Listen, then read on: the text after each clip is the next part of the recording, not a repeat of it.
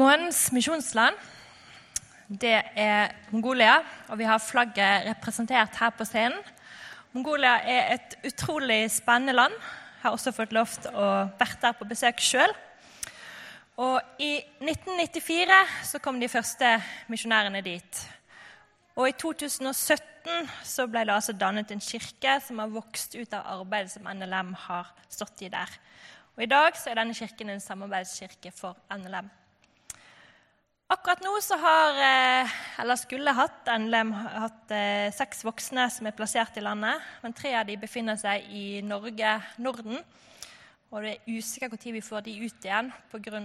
Eh, smittesituasjonen. Mongolia har jo kjørt en fascinerende strategi når det gjelder smitte. Stengt ned landet, ingen utlendinger inn. Det har hjulpet de, og nå skal man etter hvert få lov til å slippe inn utlendinger som arbeider i landet. Men eh, vær fremdeles med å be for at utsendingen vår kan få komme tilbake til arbeidet som de står i. Men sammen med kirken så går vi altså vestover også i Mongolia. Og eh, vi er med og sender ut evangeliserende grupper til områder der det ikke har blitt etablert noen kirke. Og vi skal få se Teksten som er satt opp i dag, det finner vi i Matteus evangelium, det sjette kapittel, ifra vers 24. Og vi leser i Jesu navn. Ingen kan tjene to herrer. Han vil hate den ene og elske den andre. Eller holde seg til den ene og forakte den andre. Dere kan ikke tjene både Gud og mammon. Derfor sier dere, Vær ikke bekymret for livet, hva dere skal spise eller hva dere skal drikke, heller ikke for kroppen, hva dere skal kle dere med. Er ikke livet mer enn maten og kroppen mer enn klærne? Se på fuglene under himmelen. De sår ikke, de høster ikke og samler ikke i hus. Men den far dere har i himmelen, gir dem føde likevel. Er ikke dere mer verdt enn de?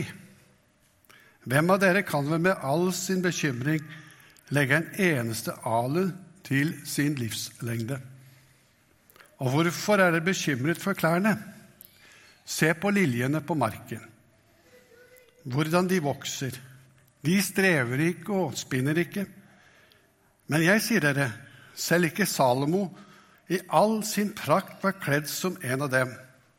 Når Gud klær gresset på marken så fint, det, gror, det som gror i dag, og kastes i ovnen i morgen. Hvor mye mer skal han ikke da kle dere, dere lite troende? Så gjør dere ikke bekymringer og si ikke hva skal vi spise, eller hva skal vi drikke, eller hva skal vi kle oss med? Alt dette er hedningen opptatt av. Men den far dere har i himmelen, vet jo at dere trenger alt dette. Søk først Guds rike og hans rettferdighet, så skal dere få alt det andre i tillegg. Så gjør dere ikke bekymringer for morgendagen. Morgendagen skal bekymre seg for seg selv. Hver dag har nok med sin egen plage. Amen. Sist søndag så var det en tekst som tok meg ganske mye.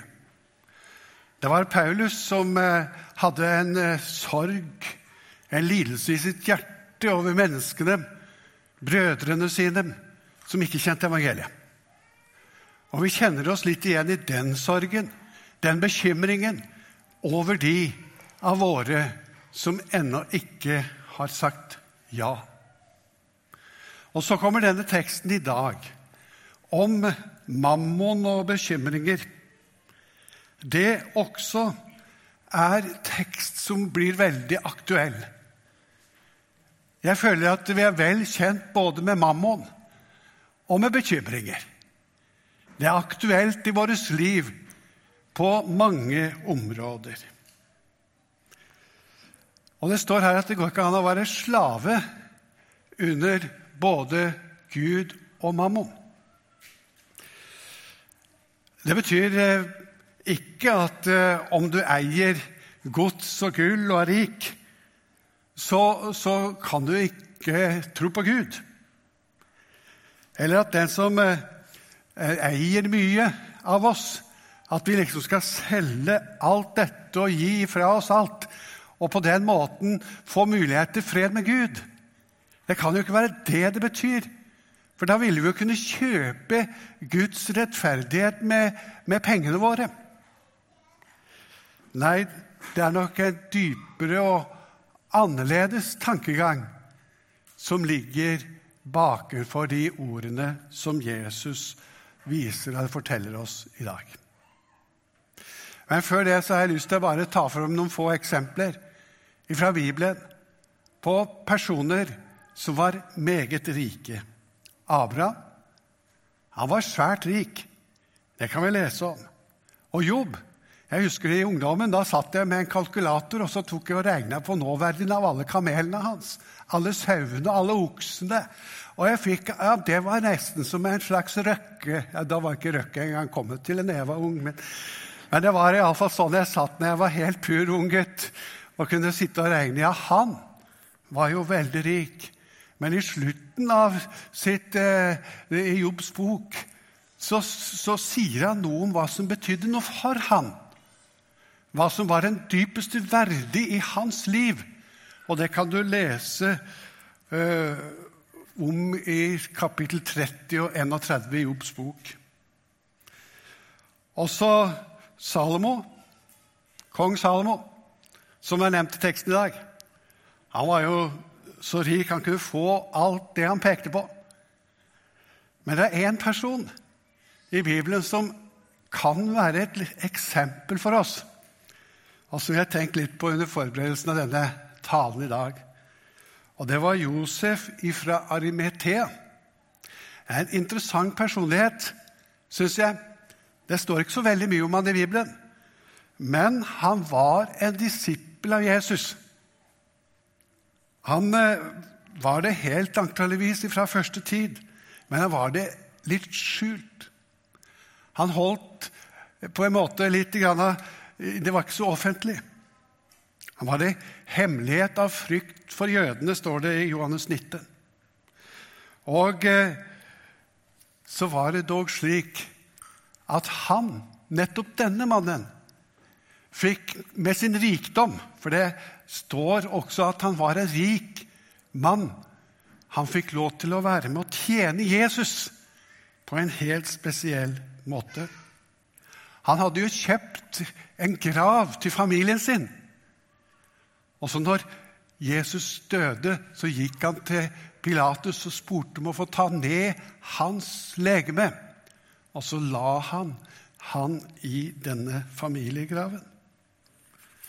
På denne måten så gikk ord fra profeten Jesaja i oppfyllelse. Hos en rik var han i sin død, sies det om Jesus. Han brukte altså rikdommen sin til å tjene Jesus. Det å bruke mammon til å tjene Gud, det er han et eksempel på. Han planla for sin egen død, fornuftig, men ga gravplassen til Jesus. På denne måten så viste han bokstavelig talt at Jesus hadde førsteplassen i hans liv. Han brukte rikdommen på Jesus. Rikdommen er ikke noe som han eller, eller vi skulle liksom sette vår lit til. Men vi skulle være herre over den, og ikke rikdommen over oss. Og det er en utfordring som vi rike må tenke igjennom. Er det slik at mammon, rikdommen, alt det du eier, er det som du er slave under? Eller er det slik at du er herre over rikdommen. Her kan vi prøve oss. Kanskje du skal ta noen øvelser på akkurat det i ditt liv. Kanskje du skal begynne å gi så det svir Vise at jeg er herre over dette. Og så vil jeg gi det til misjonen og til andre som er i nød. På den måten kan du vise deg selv at du er herre over de midlene du har, og ikke midlene herre over deg. Der syns jeg Josef kanskje kunne være et eksempel for oss. Enkelte ganger Nå vil jeg gå litt over på bekymring. Jeg hoppa over overskriften i manuskriptet. Og det er jo veldig dumt. da. Det ble litt rotete. Du får ta meg etterpå, møteleder.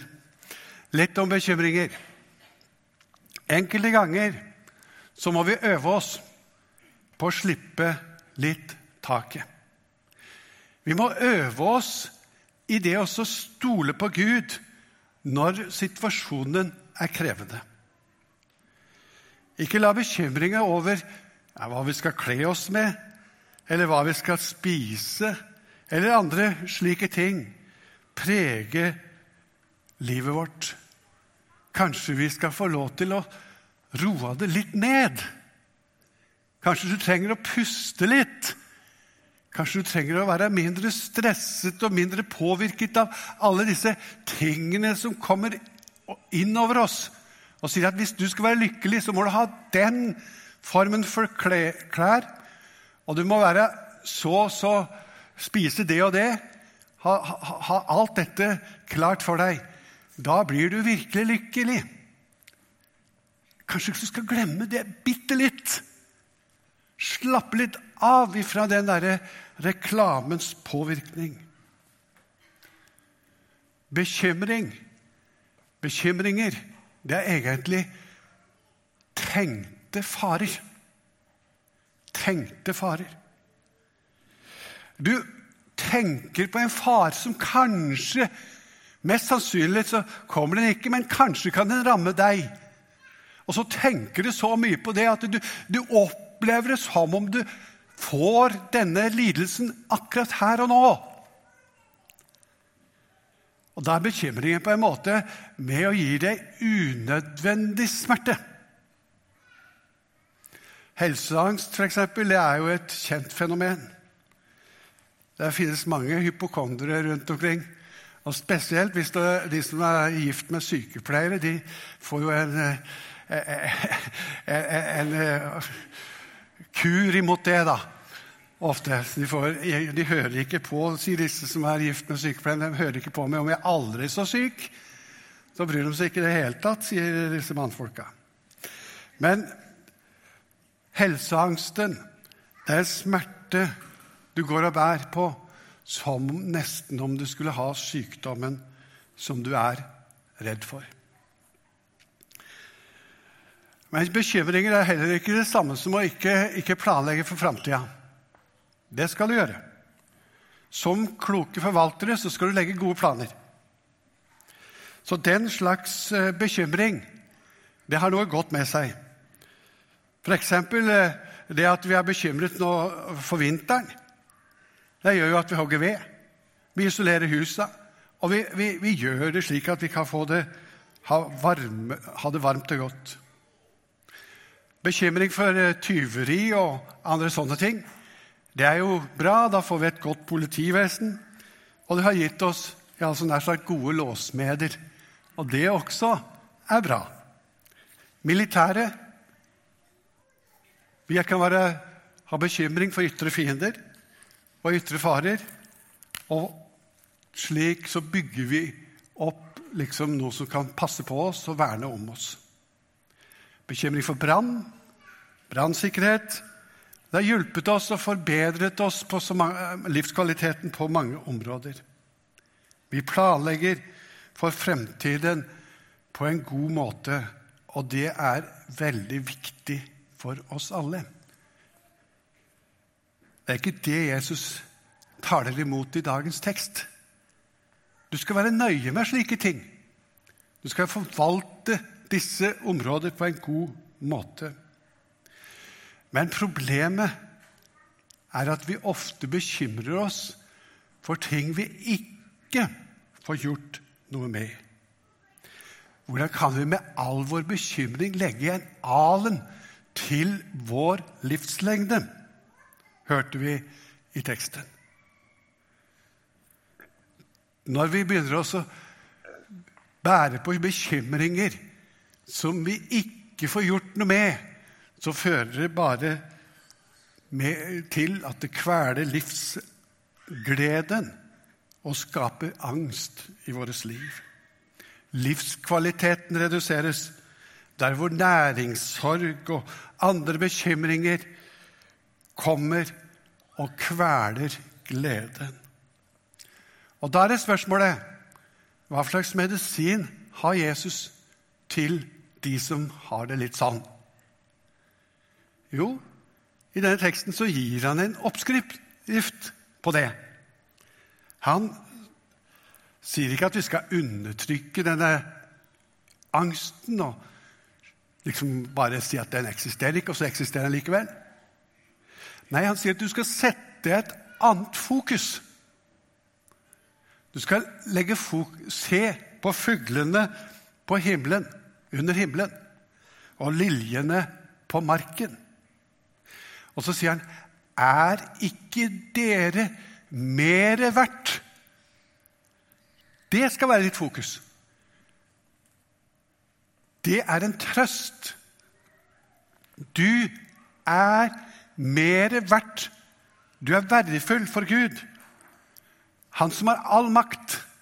Han sier til deg at du er dyrebar. Er så din verdig. Verdig din måles ikke ut ifra bankkontoen din. Noe som du kan få inntrykk av mange ganger. Ta feitere den er, ta mer verdt er du. Det er slett ikke der. Ut ifra din intelligens heller ikke der. Ut ifra ditt eh, image, ut ifra din omgangskrets Nei, ingenting av dette er det som forteller din verdig. Verdien din, den har du ut ifra det at du er skapt i Guds bilde. Det er Gud, kun Gud, som har patent på livet. Bare Gud som kan skape liv. Og så har han skapt deg som en unik skapning. Du har en unik verdi. Mennesket har en unik verdi helt ifra unnfangelsen og til naturlig, den naturlige død. Altså Han sier dere er mye mer verdt. Og det har jeg lyst til å understreke i dag. Jeg tror du kan si til deg selv at du er mer verdt enn det du tror. Enn det du selv kan tenke. Du er mye større verdig på deg enn det du noen gang kan klare å si om deg selv. Bibelen prøver å si det til, til, til oss igjennom det som skjedde på Golgata. For så høyt har Gud elsket, så høy verdig har Gud satt på deg, at han ofret sin egen sønn. Det er prislappen der ser du den verdien Gud setter på deg og ditt liv. Derfor skal du få lov til å tenke at Gud vil ta vare på deg gjennom alle livets situasjoner. Og så, Apropos forrige søndagens tekst, da Paulus viste oss inni sitt hjerte om sorgen over de ufrelste. Og vi kjente litt igjen vår sorg over de som er ufrelste av våre nærmeste. Og vi kjenner den bekymringen som på en måte tar tak i ryggmargen og vil knuge oss ned, og som vi nesten ikke kan leve med. Da har det blitt godt for meg denne uken når jeg ser disse to talene i sammenheng, at også disse er dyrebare og verdifulle. Mye større nød i Guds hjerte overfor de du bekymrer deg for, enn du i din verste angstperiode kan ha. Han elsker dem så høyt at han ga sin sønn for også dem. Og Da begynte å surre denne sangen til Trygve Bjerkrem i hodet mitt når jeg satt og tenkte på dette. Gud vil ikke miste en eneste en. Han alle vil adle og eie. For ham er en sjel som en perlesten, hvis verd bare himmelen kan veie. Fra evige tider Gud tenkte på deg, det beste av alt har i tanker. Så må du ei si ham ditt harde nei, når han på ditt hjertedør banker. Du evighetsvandrer i fremmed land, i tide må du det besinne. En skatt uten like du eie kan, en vidåpen Fader fam vinne. I tillegg til også å få se denne verdien og få hvile i at du er dyrebar i Guds øyne, og alle dine, alle mennesker, er dyrebare, verdifulle i Guds øyne, så har Guds ord også gitt oss noe annet når det gjelder bekymringsveiledning Og hva du skal gjøre med bekymringene dine. Og det er et uttrykk jeg vil bruke, det er bekymringstid. Du, skal få lov til å, bruke, å legge bekymringene på Gud. Du kan så sette av tid hver dag og si at nå kan jeg være skrekkelig bekymret. Men du skal kombinere det med bønnetid. Og så skal du på en måte samle fokus om alt det som bekymrer deg.